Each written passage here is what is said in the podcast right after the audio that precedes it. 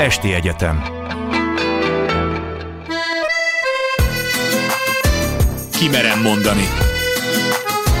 Beszélgetések a szabadságról.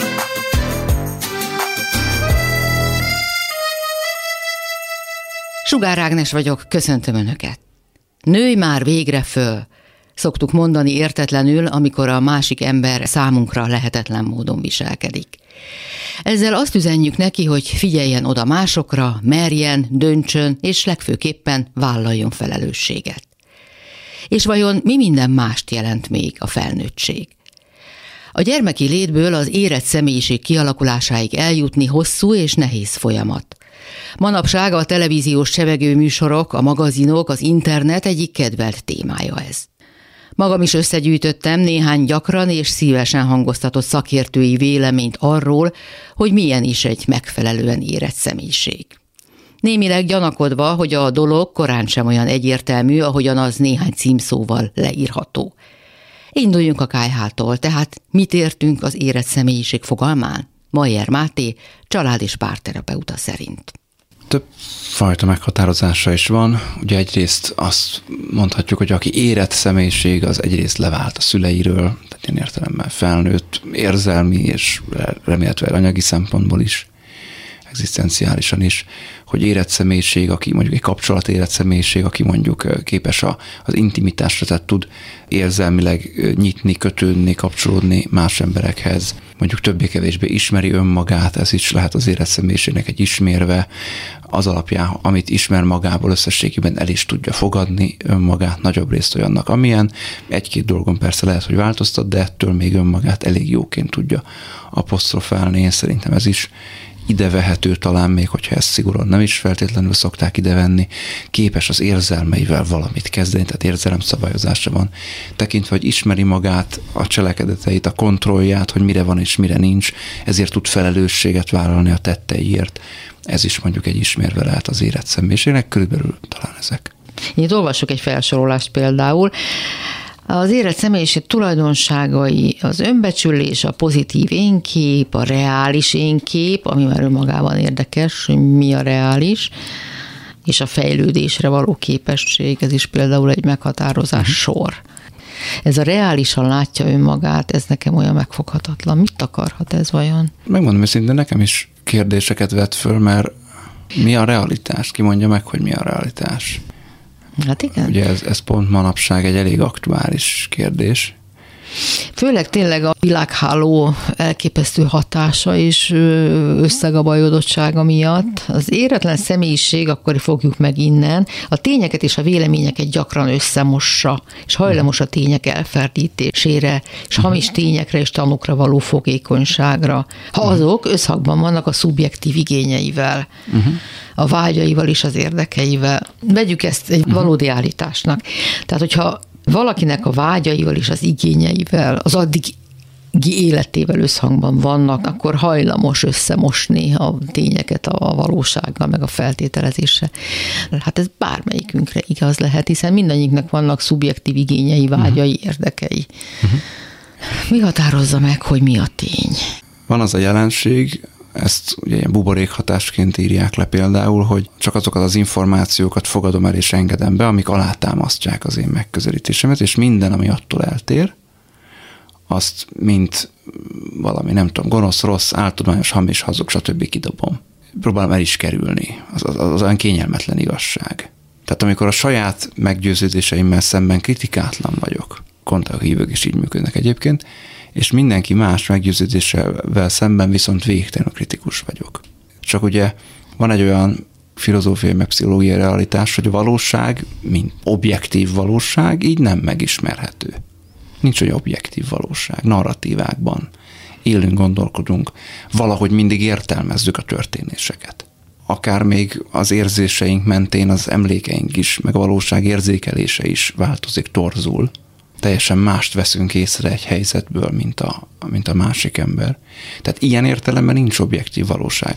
A tudományos tények azok megint csak egy konszenzust fejeznek egy pillanatnyi konszenzust. A közgondolkodásban talán ezeket úgy szoktuk hivatkozni, mint ezek ilyen megkérdőjelezhetetlen alapigazságok, amiket csak így és sehogy máshogy nem lehet gondolni, de tudományos megközelítésben ezek csak hipotézisek, amiket jelenleg még nem kérdőjeleztek meg, és lehet, hogy soha nem fognak. Uh-huh. A tudomány mai állása, ami lehet, hogy így holnap van. már nem ez lesz. Így van.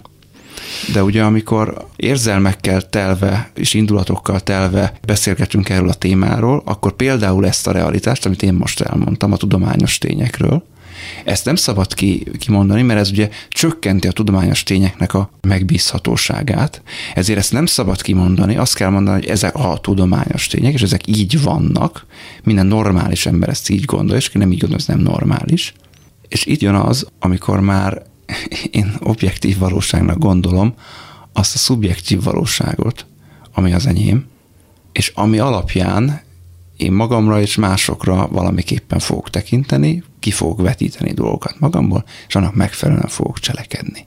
A pillanatnyi személyes vagy akár politikai meggyőződéseim okán. De miközben én a valóság nevében hirdetek keresztes háborút, amit én csinálok, annak ugyanúgy legalábbis megkérdőjelezhető, hogy a valósághoz mennyire van köze. Ezzel szemben hogy viselkedik egy valóban érett, egyben lévő ember egy ilyen helyzetben? Mit kezd a tudomány tényeivel? Hát a tudományos tényekkel meg a véleményekkel is kritikusan van. Tehát azt mondja, hogy van mondjuk egy vélemény, nézzük meg, hogy erre mit mond ma a tudomány, ellent mond neki. Ettől még annak a személynek lehet igaza, de akkor joggal várhatnánk talán néhány eredményt, amivel azt tudja támogatni. Vagy nézzük meg a valóságvizsgálat. Nézzük meg, hogy én mit élek meg, mit látok a világban. Azt, amit az adott személy mond, azt, amit a tudomány, vagy valami harmadikat. Lehet, hogy van esetleg egy kis valóság alap ebben, és egy kis valóság alap abban. Vagy megnézem, hogy aki a dolgot kijelentette, miért jelentette ki, mi lehetett az ő motivációja ő ezzel szavazatokat akar gyűjteni, vagy vásárlókat szeretne bevonzani, mert akkor ő nem biztos, hogy a tények megismerésének őszinte igényével nyilatkozik, hanem lehet, hogy egészen más motivációi vannak. Vagy esetleg olyan vehemensen képviseli a saját meggyőződését, hogy már az önmagában elgondolkodtató mert az akkor meg a hit mélységes, uh-huh. mély mhm.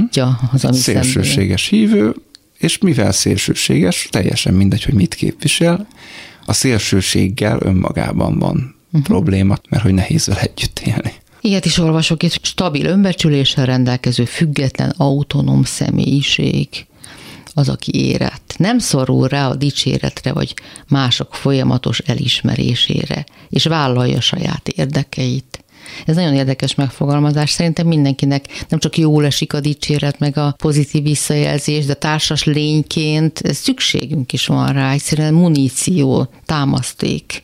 Talán a, azt próbálta megragadni a szerző itt a dicséret függvényébe, hogy ha ugye ettől teszem függővé a magam önértékelését, értékességét hogy mennyi dicséretet kapok, hány like jön a fotómra. Ez, hogy hány like jön a fotómra, nagyon felszínes megközelítés, de azért mindenki valóban vágyik, hiszen ezt már számtalan kísérlet is bebizonyította, hogy például a munkahelyeken milyen sokat számít, a szóbeli elismerés, az értékelés, a dicséret, a motiváció szempontjából, a kitartás szempontjából. Tehát igenis az embernek társas lényként szüksége van arra, hogy bátorítsák, hogy visszajelezzenek, hogy ő oké, okay, hogy ő rendben van. Itt a mérték a kérdés, nem? Vagy mi? Hát, hogy ezt ő mire használja, szerintem az. Hogyha ő a saját én képét ehhez igazítja, hogy, hogy, hogy mennyi dicséretet kap a munkahelyén, vagy a bárhol, akkor az problémás. Akkor ő függ ezektől. Mert az rendben van, hogy mindenkinek jól esik. Akár vágyik is rá, hogy kapjon elismerést, de ettől, hogy kap, vagy hogy nem kap, ettől nem fogja magát kevesebbnek vagy többnek gondolni. Egy érettebb személyiség, vagy egy érett személyiségű ember még egy éretlen személyiségű ettől fogja függővé tenni. Hogy akkor ő most elég jó, hogy ő elég szerethető, elég értékes, és így tovább. Az élet személyiség tiszteletben tartja mások személyiség határait, nem akar megváltoztatni másokat és beavatkozni mások életébe, vagy kéretlenül tanácsot, segítséget adni, vagy minősítgetni. Ugyanakkor képes segítséget kérni és elfogadni. Olyan magas a mérce, ezt olvasva, hogy felmerül a kérdés, hogy az is normális, hogyha életünk bizonyos vonatkozásában érettek vagyunk, míg más területen kevésbé? Hát szerintem ez kikerülhetetlen. Ez a gyakoribb, gondolom. Mert ugye ez nem egy ilyen dihotóm, nem egy ilyen kétpólusú skála, hogy akkor vannak az éretlenek, meg vannak az érettek, és akkor egyszer csak átkerülünk egyikből a másikba, hanem, hanem ahogy te is mondod, a személyiségnek nagyon sok dimenziója van, mint hogy nagyon sok szerepünk van az életben, és van, amiben érettebbek vagyunk, van, amiben kevésbé érettek vagyunk. Az, hogy egy személyiséget éretnek vagy éretlennek tekintünk-e, az a mértéktől függ. A legutolsó felsorolásban volt az a nem akar beavatkozni mások életébe, de mi van, ha mondjuk ő egy tudom, vállalatvezető, vagy nem tudom, egy politikai vezető, akkor ez a munkája, hogy beavatkozzon mások életébe. Vagy szociális munkás. Vagy például. Szóval, hogy érdemes kritikával kezelni itt ezeket a felsorolásokat is egy picit, de talán ennyi gondolkodásból, beszélgetésből átjöhetett a hallgatók számára is, hogy, a, hogy az érett személyiséget és az éretlen személyiséget milyen főbb szempontok mentén lehet talán megkülönböztetni. Tehát mondjuk nem függ másoktól. Ugye a gyermek, az éretlen személyiség az, aki függ mondjuk az elismeréstől, vagy a mások közelségétől, akár anyagilag is, szóval, hogy az érettséghez ez is hozzátartozik, hogy tud mit kezdeni a saját érzésével. Tehát ilyen értelemben sem függő. Tehát nem kell másokhoz rohanni, te nyugtassál meg, te vigasztaljál meg, te helyettem is szeress engem, mert én magamat nem szeretem. Szóval, hogy, hogy ezek szerintem a kulcselemek, és nyilván valaki ilyesmikkel rendelkezik, a saját vágyaira is rálát, tehát önismerete is van, akkor valószínűleg társkapcsolatot is szeretne, valószínűleg baráti kapcsolatokat is szeretne, valószínűleg valamilyen célokat is keres magának az életben. Van-e olyan, hogy véges ez az út? Tehát, hogy egyszerűen annyira elfárad az ember, megöregszik, hogy már nem képes változni, érni. Van-e ennek valamilyen határa? Megmondom őszintén, nem tudom rá választ. Azzal találkozom, hogy van, amikor egy ember megakad, és ő maga nem mindig egészen tudatosan, de úgy dönt, hogy akkor ő nem megy tovább, most nem megy tovább. Aztán úgy is jönnek élethelyzetek, amik rákényszerítik, hogy mégiscsak alakuljon, változzon ő.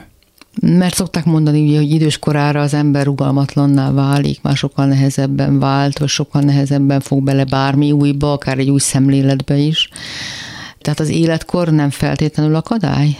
Így nem feltétlenül, mert az oké, hogy merevebb lesz a személyiség, meg, meg bizonyos funkciók, agyi funkciók változnak, ezáltal nehezebben tanul meg mondjuk új dolgokat a személy. De ez nem jelenti azt, hogy a személyisége ne változna, vagy ne tudna változni csak nehezebben változik, lassabban változik, rugalmatlanabbul változik, de változik. Sőt, arra gondolok, hogy ha élete vége felé valaki átértékel dolgokat, újraértékeli azt, ami történt, akkor egészen meg is változhat sok tekintetben a szemlélete. Meg ugye van egy természetes személyiségváltozás is, ezt úgy tanított egy kedves mesterem annó, hogy a, a gátlásokért, a viselkedés gátlásokért felelős területek, azok a, az idősödéssel elkezdenek visszafejlődni, és a férfiak ezáltal érzelmesebbek lesznek, mert az volt gátlás alatt, most a sztereotípiát mondta ő, a nők meg agresszívabbak lesznek, mert ott meg az volt gátlás alatt. Van egy ilyen természetes változása is az idősödésnek, személyiségváltozása. Na de az se törvényszerű. Semmi se egyformán zajlik. Nem, mert attól függ, hogy mi volt gátlás alatt. Hát szóval nagy rejtély ez az ember. Hát összetett.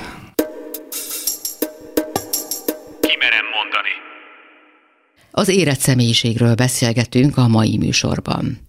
Kiinduló pontunk néhány közkeletű megállapítás ezzel kapcsolatban, nem azért, hogy feltétlenül megcáfoljuk azokat, sokkal inkább, hogy árnyaljuk a kirajzolódott képet. Most Szendi Gáborral, ahogy tőle megszoktuk, az ő egyéni látásmódja szerint.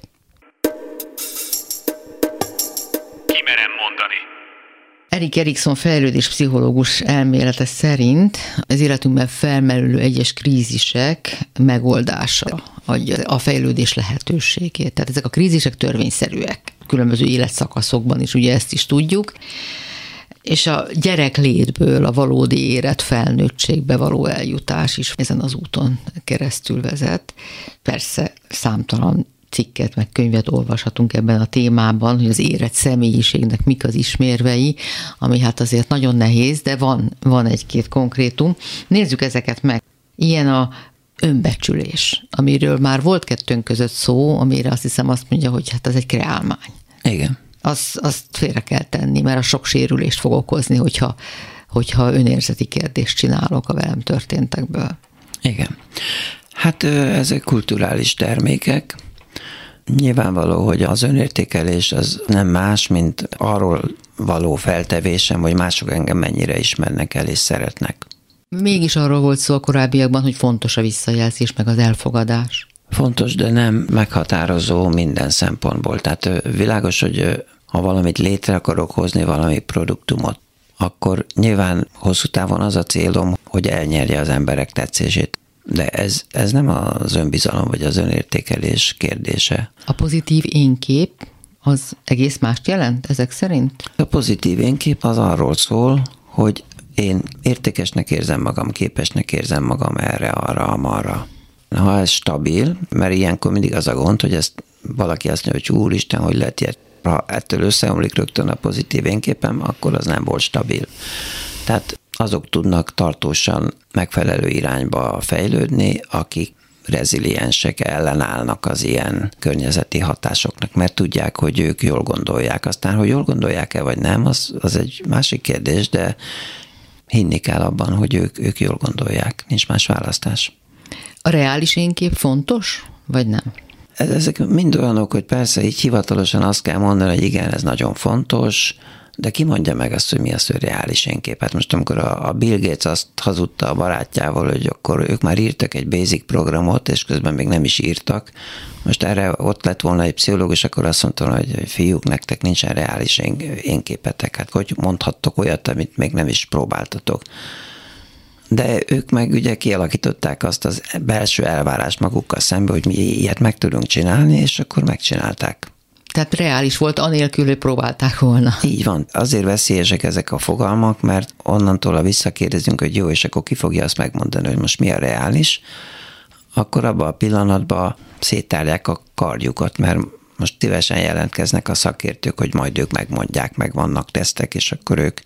Csak az a baj, hogy egyet nem tudnak mérni. Azt, hogy valaki a nagyon makacsul tud hinni magában, és tényleg meg is van hozzá a képessége, akkor meg tudja csinálni azt, amit egy olyan ember, aki sokra nem vitte az életben csak arra, hogy szakértővé vált, és a pszichológusok jó részével sajnos szerintem ez a baj, hogy ők maguk szürke dolgozók valójában. És akkor mondjuk beül egy ifjú titán hozzájuk, és arról beszél, hogy ő meg fogja váltani a világot és akkor ugye ők azok, akik leforráznak, hogy nem, magának nincs reális én képe, mert hát miért gondolja, hogy maga meg tudja váltani a világot? Azért, mert ugye ő sose váltott meg semmit, ezért nem tudja elhinni másról se.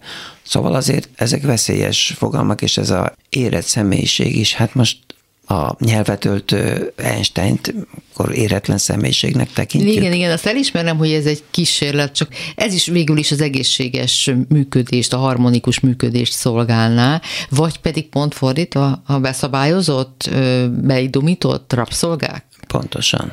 Azt hiszem Freud mondta, hogy az egészséges személyiség az tud szeretni és dolgozni. Ez az átlagember, igen. Azért az nem árt, hogyha valaki elégedett a sorsával, nem lázadozik és hajlandó minden nap bemenni dolgozni, és aztán ezt nyugdíjig rendesen csinálja, meg neveli a gyerekét, meg mindent. Ezeket tekintjük stabil embereknek, és akkor erre mondhatjuk, hogy ez az érett személyiség, el tudja fogadni a korlátait, stb. stb. De én nem szeretnék érett személyiség lenni, mert én pont olyan szeretnék maradni, aki mindig valami újra vágyik. Tulajdonképpen belekeverik sokszor az érez személyiség fogalom körébe is a megújulásra való készséget, igényt és képességet. Tehát egy olyan csomag alakul ki, ami valójában teljesíthetetlen minden pontján. De itt van például a humorra és az önkritikára való képesség. Hát az, az nem árt, hogy ha tudunk önkritikusak lenni, de hát biztos lehetne most száz példát találni arra, hogy valaki kényszeres személyiség volt, és nem értette a viccet, és mindenem megsértődött, és ettől még nagyszerű ember lett. Úgyhogy én mindig egyénbe gondolkodom. És az egyénekre ezek ilyen kényszerzubbonyok így rá lehet húzni, meg el lehet várni, meg meg lehet követelni. Nem is egészségesnek lehetne mondani, hanem inkább normálisnak, mert ez lett a norma. A társadalom által előírt norma. Hát igen, legyen jól működő, Azért nézzünk még néhány ismérvet. Például a valóság tényszerű megélése és a tények tisztelete mint elengedhetetlen eleme az érett személyiségnek. Ezeket mind, mind az emberek ellen lehet fordítani, ezzel ez a baj. elismerem, hogy, hogy valahogy a, a teljesen irreális személyiség és a kreatív lángelmek közt valahogy kell tudni különbséget tenni, de mondjuk azt, hogy amíg másnak nem okoz kárt meg ártalmat, addig hagyjuk már, hogy majd derítse ő ki, hogy ő most akkor melyik. Engem gyerekkoromban a nagybátyámék utca gyereknek tekintettek. Bizonyos értelemben azok is voltunk, mert anyukánk állandóan kórházban volt, mi meg papír gyűjtöttünk, meg még volt egy ilyen rendőrségi ügyünk is, hogy egy tervező irodának luk volt a pince bejáratán, és akkor elkezdtük a tervrajzokat hordani a mélybe. Hát mi azt gondoltuk, hogy az nem őrizhetik nagyon, hogyha egy rozsdás ajtónak a lukán be tudunk érte menni. Úgyhogy ha valaki az én gyerekkoromban ismert engem meg a bátyámat, ráadásul rossz tanuló is voltam általános iskolában. Biztos, hogy azt mondták volna, hogy hát ezekből munkások lesznek. Tehát most akkor megint jön, hogy mi a tény. Jó, de arról már mi is beszélgettünk, hogy a tényszerű gondolkodás az milyen fontos. Az más. A tényszerű gondolkodás alatt én mást értek. Az azt jelenti, hogy a világban csak azt lássam, ami, ami tényszerűen tetten érhető. De ne tételezzek föl mögé mindenféle dolgokat. Tehát az emberek a világot túlságosan értelmezik. Igen, de például amikor manapság, amikor a vélemény szabadsága már olyan, hogy bárki elé odatolható, aki kinyitja például a Facebookot, és olyan vélemények is szabadon megjelenhetnek önkritika nélkül, amelyek mögött semmiféle tényszerű tudás nincs, sőt, annak az igénye sincs, hogy ezt a tudást megszerezzék, az ez mégiscsak sok kalamajkát és sok félreértést okozhat. Aztán annak viseli mindenki a következményét, szóval azért veszélyes az, hogyha valaki nem tud jelenben élni, és nem tud tényszerűen gondolkodni, abban az is benne van, hogy cselekszem, nem cselekszem, mit cselekszem, értelmese, le tudom-e vonni a következtetést a cselekvésem következményeiből, például, hogy nem ez a járható út, vagy de igen, ezt érdemes csinálni tovább. Amikor az embereknek elszabadul a fantáziája a Facebookon, aztán ez nagyon tapasztalni, akkor de hát maguknak ártanak. Hát most nem tudjuk megvédeni őket ettől. És az is, aki olvassa, és dühöng rajta. Ő se tényszerűen gondolkodik, mert akkor azt mondaná, hogy hát itt látok egy, egy embernek a megalapozatlan véleményét, ez a tény. Igen, igen, ez persze, amikor egyéni véleményalkotás dolgokról olyan esetben történik, az még hagyján, mert ő így gondolja, de amikor olyan közérdekű vagy mindenkit érintő ügyekben, és akkor mindenki a szubjektív érzései előélete alapján szorong, fél, bizonytalankodik, hogy most akkor melyik ténynek melyik a tény, és minek higgyen, akár az oltás kérdésében, akkor az ott nagyon-nagyon sok kavart és zavart tud okozni a fejekben és a lelkekben. Hát igen, de hát pont, pont a pandémia megítélésében a félelmek és a vad fantáziák nagyon nagy szerepet kaptak. Tehát ez az szörnyű. Szörnyű, és ezt nem is tudom, hogy hogy lehetett volna másképp csinálni, vagy hogy védhettük volna meg magunkat az ellen, hogy ennyi mindennel kelljen szembenéznünk nap, mint nap. Hát megint csak azt mondom, hogy a szabadságnak feltétele a jól, jól informáltság. Én mindenkit arra szoktam bátorítani, különösen a hipondereket, hogy ugye a hipondia nem győzhető le. Most ez kitágítva az oltás meg a vírussal kapcsolatos félelmek és hiedelmek, ezek nem győzhetők le úgy, hogy, hogy megrántom a vállam, és azt mondom, jó, akkor mostantól nem félek. Hanem akkor előre kell menekülni, és minél több hiteles információt beszerezni itt kezdődik a kérdés, hogy nem az szerint fogom hitelesnek érezni az információt, hogy mi az én sokkal korábbi működésmódom, meggyőződésem, világlátásom? Egyrészt a, a hitelességet tudományos kérdésekben általában tudományos fórumokon kell keresni, de azt is tudjuk, hogy van megélhetési tudomány is, meg üzleti tudomány, meg marketingnek alárendelt tudomány, stb. stb. Tehát ez egy nagyon nehéz dolog ebben tisztán látni. Hát most mondjuk azt, hogy az élet az egy ilyen próba szerencse. Igen. Vagy mellé fogtam, vagy rossz forráshoz nyúltam, és bele fogok halni esetleg. Sokan választják azt a megoldást, főleg egy ponton túl, hogy már nem figyelnek oda rá. Nem, nem fárasztják magukat azzal, hogy mindenfélét elolvasnak, meghallgatnak. Ez is egy megoldás, mondjuk nem a Facebookot tartanám tájékozódási pontnak, tehát nem ott kéne tájékozódni, Csak hát az emberek nem tudnak nyelveket, nehéz nekik még egyszerű magyar szöveget is, hosszabb cikket végigolvasni, tehát itt rengeteg kulturális probléma van. Hát az evolúció az ilyen értelemben kíméletlen, tényleg mindenki egyenlő, mindenki egyenlő eséllyel állhatna neki megtudni az igazságot. Egy bizonytalansági tényező mindig mindenben benne van. Tehát a tudomány az soha nem a végső igazságot fogalmazza meg, vagy mondja ki, hanem valószínűsít egy hipotézist, és aki megtanul ebben gondolkodni, akkor azt is tudja, hogy egyszerre több hipotézis lehet helytálló, majd ezek versengenek, és akkor majd egyszer valamikor valamelyik igazabbnak fog tűnni, amíg nem jön egy, megint egy alternatív hipotézis. Tehát meg kell tanulni valószínűségebe is gondolkodni. És elfogadni. A kockázatot elfogadni, igen.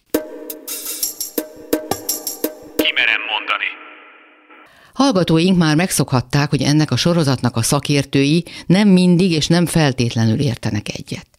Számos dologban azonban helyeslik és megerősítik az általánosan elfogadott ismereteket. Nincs ez másképp a saját életünkben sem, jó esetben mi is így működünk. A következőkben tovább részletezzük a képet, mai témánk az érett felnőtt személyiség kérdésében. Ha valamit tanácsolhatok, helyezkedjünk el kényelmesen, és továbbra is tartsuk nyitva az elménket. Tar Bence László, filozófus, kulturális antropológus. Kimerem mondani.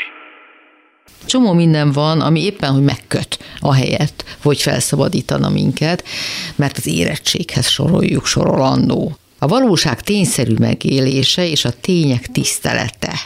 Tehát az ön és a valóságérzékelés realitása. Ez az érettség egyik fokmérője. Hát szerinted? erre is mindjárt re- reagálok, de még a magánál a fogalomnál egy pillanatra hagy, hagy időzzek el. A személyiség, ahogyan ez a kis képző is ott van a végén, a világ legnagyobb csapdája. Tehát az, amikor valaki személyiségként apostrofálja magát, és ennek a kiépítésére törekszik. Degradálja a személyt, aki ő maga. Az védikus tanításnak bizonyos filozófia iskolái azt mondják, hogy minden emberben van egy felsőbbrendű, valódi isteni személy. Egy purusa, így hívják. Ez mindenképpen a te kis emberi öntudatod, mondhatjuk mélyen lakozó, tiszta természet, ami viszont nem tükrözi a te egyediségedet. Ahhoz, hogy ez a purusa, ez a személy megnyilvánuláson ebbe a világban, ilyen egyedi jelleget kell öltsön benned. És itt elindul egy folyamat, amit úgy hívnak, hogy aham kára, az én csinálásnak a folyamata, hogy felöltöztetjük ezt a purusát, ezt az isteni szemét, aki bennünk van, ami egyediségünkkel, az egyedi jellemvonásunkkal, és hogy most ilyen európai filozófiai fogalmat hozzak, a személy helyett létrejön egy egyedi személyiségünk, ami egyedül minket tükröz. Ez gyönyörű, ez nagyon szép, hogyha mi ezt a személyiséget valóban úgy viseljük magunkon, mint egy ruhát, és tisztában vagyunk benne, hogy ez csak egy kifele mutatott öltözet, egy viselet, ami bizonyos viselkedési módokat tükröz. szerepszemélyiségünk. Egy szerepszemélyiségünk. Na most az, hogy érette ez a szerepszemélyiség, vagy nem érett, na hát ez már nagyon, ez erősen ítéletes, és valószínűleg a társadalmi elvárásokat fogja tükrözni. Tehát például, hogy a tények objektív tisztelete, a valóság érzéke és realitása, ez már egy olyan társadalmi elvárás, egy olyan nonsens, amit én Exupéri szavaival a kis hercegből úgy tudnám idézni, hogy igen, felnőttnek felnőtt, de nem valami komoly dolog. De ír, írja egyébként pont ugyanitt, hogy az éretlen személyiség ezzel szemben a tényeket és a véleményeket gyakran összemossa, hajlamos a tények elferdítésére, a hamis tényekre és tanokra való fogékonyságra. Hú, de nehéz ezt meghatározni, hogy mik a hamis tények és mik a hamis tanok, nem? Hát nagyon, Mikor, mi? nagyon. Ez megint azt a természettudományos világképet tükrözi, ahol azt feltételezzük, hogy a tények azok valamiféle objektív valóságnak a mindenki által ismert részei. De maga az objektív szó is csak annyit jelent, hogy tárgyiasított. Az, hogy mi tárgyiasítva tudunk kezelni egy tényt csak annyit jelent, hogy saját érzelmi világomtól le tudom választani. Megpróbálom magam szubjektivitását kivonni belőle, és úgy kezelem tényként. Ez nem azt jelenti, hogy amit én így objektiváltam, függetlenítettem, tárgyasítottam, és leválasztottam róla az én személyiségemet, az attól még például valóságos lenne, vagy igaz. Akkor sem, ha kísérletesen bizonyított, akár többszörösen, mint amit a tudomány ugye képvisel? Hát a tudománynak ugye a vizsgálódási tárgyai, ha most a természettudományokra gondolunk, hogy ez a természeti jelenségek világa, ez egy teljesen más kategória. Ott feltételezünk egy objektív realitást, de a objektív tények elfogadása, hát muszáj a vallásos gondolkodást idehoznom, hogy a világon élő ma 7,5 milliárd ember közül azért körülbelül 6 milliárd valamiféle hit gyakorlója, valamiféle hitbéli igazságoknak a követője. Azt, hogy ezt tényként állítani például, hogy van egy Isten, vagy tényként állítani, hogy van egy indiai felfogás szerint mondjuk az istenség legfőbb személyisége egy Krishna, aki abban a formai alakban jelenik meg, hogy ábrázolják, és hogy, hogy lehet ezt objektiválni, hogy lehet ezt tényként kezelni. Most azt mondjuk, hogy azok az emberek, akik hisznek például Jézus Krisztusba, vagy az Úr Krisnában, vagy Isten létében, azok nem érett személyiségek, azért, mert egy erősen szubjektív, saját élményvilágukba megélt hitbe vagy hiedelembe kapaszkodnak vagy hisznek, erős kritérium lenne. Uh-huh. Mert akkor azt kell mondanunk, hogy az emberiség 90%-a éretlen, ha csak ezt a kritériumot tekintenénk az érett személyiség kritériumának. Mondok más. Az érett személyiség kritikusan áll azzal az információ tömeggel szemben, ami korunkban körülveszi, még ha ez nehéz is, igyekszik reálisan érzékelni a valóságot. Hát a valóság reális érzékelése, ezek nagyon jó eszmék, ezek csodálatos ideálok, amiket most felolvasol itt nekem. Törekszik a, a valóság reális értékelésére.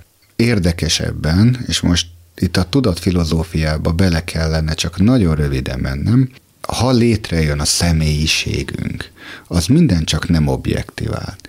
Nincs két személyiség, aki ugyanolyan lenne. Tehát mi nem programok vagyunk, az az érdekes, amelyeket ugyanúgy feltöltenek minden eh, számítógépre. Tehát ha testünk egy hardware olyan, mint egy számítógép, és a személyiségünk olyan lenne, mint egy operációs rendszer, mondjuk a mostani legfrissebb Windows, és mindenkire ugyanazt a szoftvert töltenék fel, akkor mindenkinek ugyanolyan személyisége kéne, hogy legyen. Legalábbis kezdetben, és akkor utána ezek nyilván differenciálódnak. Bizonyíthatóan nem így van tulajdonképpen a gyereknek az első három éve alatt olyan egyéni karakterisztikák, olyan egyéniségek születnek meg, hogy ő egész biztosan eltérő személyiséget fog létrehozni, mint a tied, vagy az enyém, vagy bárkié, az egyediség különbözteti meg az embert, és utal arra, hogy valószínűleg azért maga az ember, mint élő lény, az egyediségeknek ebben a mérhetetlen sokszínűségében törekszik a világ megismerésére. Ha mindenki ugyanazt a realitást ugyanúgy értékelné, akkor valószínűleg soha senki semmire nem jönne rá, mert mindig csak ugyanazt gondolná, mint a másik, és mindig ugyanúgy gondolkodna. Nekünk ez evolúciós szempontból is végtelenül hasznos, hogy ennyire sokfélék vagyunk, és ennyire sokszínűek, és ennyire sokféle egyéniségünk és személyiségünk van. Tehát, hogy is volt ez megfogalmazva? Igyekszik reálisan érzékelni a valóságot. Hát ne. Én meg azt mondom, hogy biztos, hogy a reális érzékelésen túl a szubjektív érzékelés az szinte fontosabb, hogy te miben látod máshogy, mint az előtted levők. Te miben látod másként? Meg tudsz közelíteni egy helyzetet úgy, ahogy még soha senki nem tette. Ha nem ez lenne az emberi gondolkodásnak a szükségszerű velejárója, akkor még főemlősként a, a fákon üldögélnénk, és még mindig nem tudom, én nyersen ennénk a kokuszdiót, mert is nem fejlődtünk volna semmit, mert mindent reálisan és ugyanúgy értékelünk. Az a főemlős, az a majom, aki először arra jött rá, hogy azt a kókuszdiót, ha lejti, az széttörik, mert a gravitáció a föld fele húzza, és akkor ledobálta, és az föltört, és már meg tudta enni csak a belsejét, az azért jött erre, mert valamit másként csinált, mert az ő személyisége valószínűleg eltérő volt a többiektől, és most nagyon primitív magyarázat, de mit akarok ezzel mondani? Örüljünk annak, hogy mindegyikünknek egyéni karakterisztikája van, és a személyisége nem olyan, mint mindenki másé. Innentől kezdve minden olyan állítás, hogy objektíven a tényekhez igazodva ugyanúgy látja, mint más, ez egy nonsens. Nincs ilyen. Az élet személyiség ismérve, hogy egyenrangú kapcsolatokra törekszik, ami azt jelenti, hogy stabil önbecsüléssel rendelkezik, és autonóm, nem szorul rá mások dicséretére és elismerésére. Ez nekem szinte olyan, mint hogyha ezt most a Szófiának nevezett mesterséges intelligencia írta volna, már mondjuk a saját programozott mintájára, Természetesen értem, ami ide le van írva, és egy pszichológiai kontextusban ez teljesen helyén is áll, de erősen megkérdőjelezhető. Egyrészt az, hogy az ember nincs rászorulva másokra, ez megint azt kell mondjam, hogy egy filozófiai nonsens. Tehát mi egy függő keletkezésben egymástól folyamatos függőségben élő lények vagyunk. De a természeti környezetünktől is folyamatos függőségben vagyunk, ha ebből a szobából most kiszippantanák a levegőt, hirtelen eltűnne innen az atmoszféra, nyomása, akkor a testünk szétrobbanna. Tehát eleve az, hogy egyáltalán biológiai létezünk, az azért létezik, mert van egy állandó légnyomás körülöttünk. Tehát eleve biológiailag is függésben vagyunk ettől a környezettel. Természetes, hogy a személyiségünk is úgy alakul ki, hogy folyamatos függésbe vagyunk másoktól. Mi emberekkel való kapcsolatainkban definiáljuk magunkat, sőt a személyiségünk felépítésének a feltétele az, hogy folyamatosan másik embernek a tükrében vizsgáljuk magunkat és a reakcióinkat. Tehát mi az, hogy nem függünk mások visszajelzéseitől? Hát nem szorulunk rá legalábbis. Nyilván a szerző arra gondol, hogy egy felnőtt érett személyiség a saját értékrendjében, belső vezérlő értékében annyira megszilárdult, hogy képes ezeket képviselni a környezeti hatások ellenére. Így van. Igen, erős lesz, amit most mondani fogok, de én Erik Frommmal értek egyet, meg Aronzonnal, aki azért azt mondja, ők szociálpszichológusok, hogy az emberi életnek az egyik legfontosabb, úgymond valódi célja és értelme a másokkal való együtt lét. Tehát az ilyen ember, aki azt mondja, hogy én függetlenítem magam a társadalomtól, nem érdekel mások visszajelzése, az valóban vagy vonuljon ki, és akkor éljen egy remete életet, de ezt úgy hívjuk, félreértitek a fogalmat sokszor, de az az idióta. Ezt jelenti ez a szó, idióta, aki önmagának is elég, és önmagában van. A remetesség az idiotizmus. Az az az ember, aki kivonul a társadalomból, egyedül él, teljesen szeparálja magát érzelmileg, gondolatilag, világnézetileg, mindenféle szempontból, hogy nem folytat társas interakciókat. Hogy ez hasznos-e, ez egy nagyon érdekes az a társadalomnak, hogy vannak ilyen kivonulók, ezt is kutatják szociológusok. És borzasztó érdekes, hogy már nagyon egyszerű organizmusok vizsgálata mutat arra rá, hogy bizony érdekes módon az túlélés záloga evolúciós szempontból például az, hogy van egy gombafonál, gombatelep, és jön egy kedvezőtlen környezet, ami miatt annak a penészgombának onnan el kell mennie, akkor bizonyos sejtek ott maradnak önmagukban, miközben az egész gombatelep kollektívan onnan elvándorol.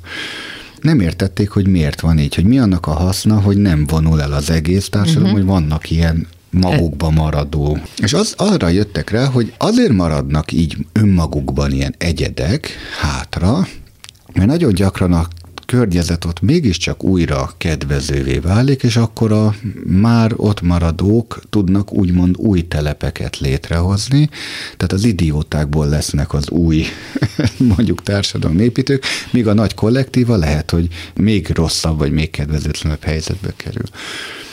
Az ember igazából társasági lény, akkor éli meg a teljességet, a boldogságot és a végső soron lelki békét, a közösségben élhet. Minden olyan ember, aki úgy érzi, hogy ön erre nincs szüksége, és ő elidegenedett a társadalomtól, és ő nem vágyik más emberek társaságára, a szociálisan debilizált, az, hogy miért lett ilyen, annak valószínűleg megvan az oka, nyilván sokat sérült. Tehát valószínűleg valamiféle pszichológiai torzuláson megy keresztül, ami miatt ez a fajta ellenérzése kialakul mások. Arról is szó van itt, hogy az érett személyiség tiszteletben tartja mások személyiség határait, tehát nem akar megváltoztatni másokat, nem ad kéretlenül segítséget, vagy tanácsot, nem minősítget, tehát nincsenek előítéletei, és a felelősség áthárítás sem jellemzi. Ez csupa pozitívum, és mégis úgy néz ki, hogy mint egy ilyen steril robot. És ez mind igaz pszichológiai kontextusban, ha azt vizsgálnánk például, hogy egy munkakörnyezetben kit tekintünk érett személyiségnek, akkor ez helytálló, ez a leírás. Tehát, hogy nem minősítse a kollégáit, tisztelje a más személyeknek a határait, tehát ne legyen erőszaktevő, ez mind-mind így igaz. Igen ám, de a természet nem ilyen. Milyen érdekes, hogy már Rousseau annak idején, a felvilágosodás korában örökösen ugyanezt a kérdést tette fel, hogy vajon a természeti állapot mennyire tükrözi már az akkori társadalmi berendezkedés, az ott élő ember 18. század végén, a természeti állapotot, mert hogy a természet az borzasztó indiszkrét. Az nem tiszteli más személyeknek a határait, sőt, a folyamatos erőszaktevés, felfalatás, ugye az erős törvénye uralkodik a természetben, és az ember is ennek a természetnek a leszármazottja vagy következménye. Tehát az ember ős agyában működő evolúciós csökevények és törvények a mai napig arra késztetik, hogy ő maga is ne tisztelje mások határait, ne tisztelje mások személyiségét, legyen erőszakos, legyen térhódító, legyen domináns, pusztítson, foglaljon, öljön. Az agyunk ős alapjaiban ott van ez a viselkedés. Egy sejtjű viselkedésből hozzuk ezt. Ha bele tudnánk látni a saját testünkbe, és megnéznénk, hogy a saját mikroszkópikus világunkban, a sejtjeink szintjén micsoda erőszakos öldöklés zajlik minden pillanatban, hogy ezek a mikróbák hogy fajják egymást, hogy hogy nem tisztelik egymás határait, hogy az együttműködés mellett micsoda csatározás zajlik, az egész emberi biológiai organizmus egy csatatér, ahol élő lények milliárdjai pusztulnak el naponta, és persze születnek újra, mi persze a magunk makroszkópikus világában ezt nem látjuk, nem is akarunk tudomást venni arról, hogy egy ilyen sejt közösségnek a végeredményei vagyunk biológiai organizmus szintjén is, és már ettől a szellemünk függetlenítette magát. Ezért mondom, hogy ezek az ideálok, ezek az eszmények, ezek fantasztikusak, mert pont arra mutat rá, hogy annak ellenére, hogy mi ebből a végtelenül organikus világból születtünk, és az egész természet, ami itt körülöttünk zajlik, az egy ilyen hihetetlen szimbiotikus kapcsolatban áll, ahol nincsenek határok. A levegő, amit itt közösen lélegzünk, mikroorganizmusok százaival köt össze téged meg engem itt ebben a térben. Lehet, hogy mi azt gondoljuk, hogy nincs közöttünk kapcsolat, de ide érzem a tested melegét, ha figyelek rá. Érzem a hőt, amit kisugárzol, és te is érzed az enyémet. Sőt, még valószínűleg a levegőt is, ahogy a kezemmel itten legyezek, hogy hogy mozdul feléd, nem tudunk nem hatni egymásra. Ahhoz az embernek ki kéne lépnie ebből a emberi testből, és egy absztrakt szellemmé kéne válnia, hogy ő ezt a típusú függetlenséget, szabadságot megélje. És Madács ember tragédiájának ugye az űr jelenete, a vége, hát az utolsó előtti, ahol Ádám úgy dönt, hogy ugye nem akar ennek a világnak a része, pont ezért, mert itt csak az öldöklés, a halál, az erőszak, az egymás nem tisztelete, és az ő szellem az egyedüli tiszta, és ő elhagyja ezt a bolygót, és ugye repül az űrbe, és ott jön rá, hogy az ember nem tud emberként ebben a csillagvilágban élni, mert ehhez a földhöz kötött, az egész lénye, az egész személyiség, az egész szerkezete, és itt ő ennek a hatalmas, organikus, szimbiotikus bioszférának az elválaszthatatlan része. A misztikusok megélik ezt. A brazil sámánok, akik halucinogén szerekkel, ugye ayahuasca szertartáson megélik ennek a kiterjedt tudatnak ezt a transzcendens tapasztalatát, ráébrednek, hogy minden ember ennek a hatalmas kollektívának az egyik mikroeleme. Nincs ilyen értemben elválasztott tudat és úgy nevezett egyén csak a, a felszínen. Jung is mondja kollektív tudat alattinak a létét igazolandó, hogy az ember egyénisége mögött egy mélyebb tudati szférában elválaszthatatlan egy, egy emberi kollektívának a része. A te leíratodban hogy néz neki egy élet, rendben lévő személyiség? Tehát az, hogy valaki a közhiedelmek ellenére tisztában legyen egyrészt önmaga gondolatvilágával, érzelemvilágával, és száz százalékig fel tudja ezt vállalni, annak a felelősség tudatában, hogy ez esetleg nem tetszik a környezetének, spirituális értelembe vett valódi érettségnek a egyik legfontosabb ismerve. Hogy te nem utánozni akarsz, nem követni akarsz, hanem egyrészt van és megalapozott a saját véleményed, ami mellé ki tudsz tartani. De nem ragaszkodsz, és nem gondolod azt, hogy azért, mert te valami vélt igazat és a, a saját gondolataidat fontosnak tartod, azért ezek abszolút értelemben mindenkire vonatkoznak. Egyszerre tudsz eh, független, de mindenképpen relatív lenni. Felismered azt, hogy nincs abszolút igazság, hanem az igazság az a te fejedben levő gondolatok és érzésvilágnak a, az eredője. Tehát ilyen értelemben szubjektív. Bármennyire szeretnénk, hogy objektiváljuk ezt az igazságot, és azt gondoljuk, hogy ahogyan én látom a világot, vagy én gondolom, én tapasztalatom, az mindenki számára egyetemesen érvényes, nem lehetek benne biztos. A legközelebb ehhez az abszolút és objektivált igazsághoz a természettudományok állnak, akik képesek voltak olyan általános törvényeket megállapítani, leírni, úgy tűnik, hogy valóban mindenkire általános érvényűen igazak. De az hagyjan, hogy ezen a bolygón, de még úgy tűnik, hogy ez az egész világegyetemre is mintha igaz lenne. Tehát bizonyos természettörvények erre az egész univerzumra mindenhol igaznak látszanak. Na de minden természettudós tudja, hogy látszanak, úgy tűnik. Tehát, hogy ez meg csak egy hipotézis, egy munkahipotézis, amit addig tartanak érvényesnek, amíg ennek az ellenkezőjét meg nem tapasztalják. És mérhetetlen sok cáfolat érkezik, és mérhetetlen sok cáfolat miatt a tudomány, a természettudomány a saját törvényeit és igazságait folyamatosan újraírja, újra definiálja, kiegészíti, egyre finomodik az, hogy ezt az igazságot tulajdonképpen hogy írjuk le, és minek tartjuk. Ma már mindenki tudja, hogy nincsenek atomok, de az atom elmélet az egy fantasztikusan jól működő modell, hogyha bizonyos makroszkopikus méretekbe gondolkodunk. Tehát most én makroszkopikusnak mondom, mondjuk a kvantum méretekhez képest, vagy a szubatomi részecskékhez képest. Ott teljesen jó modell, az atommodell.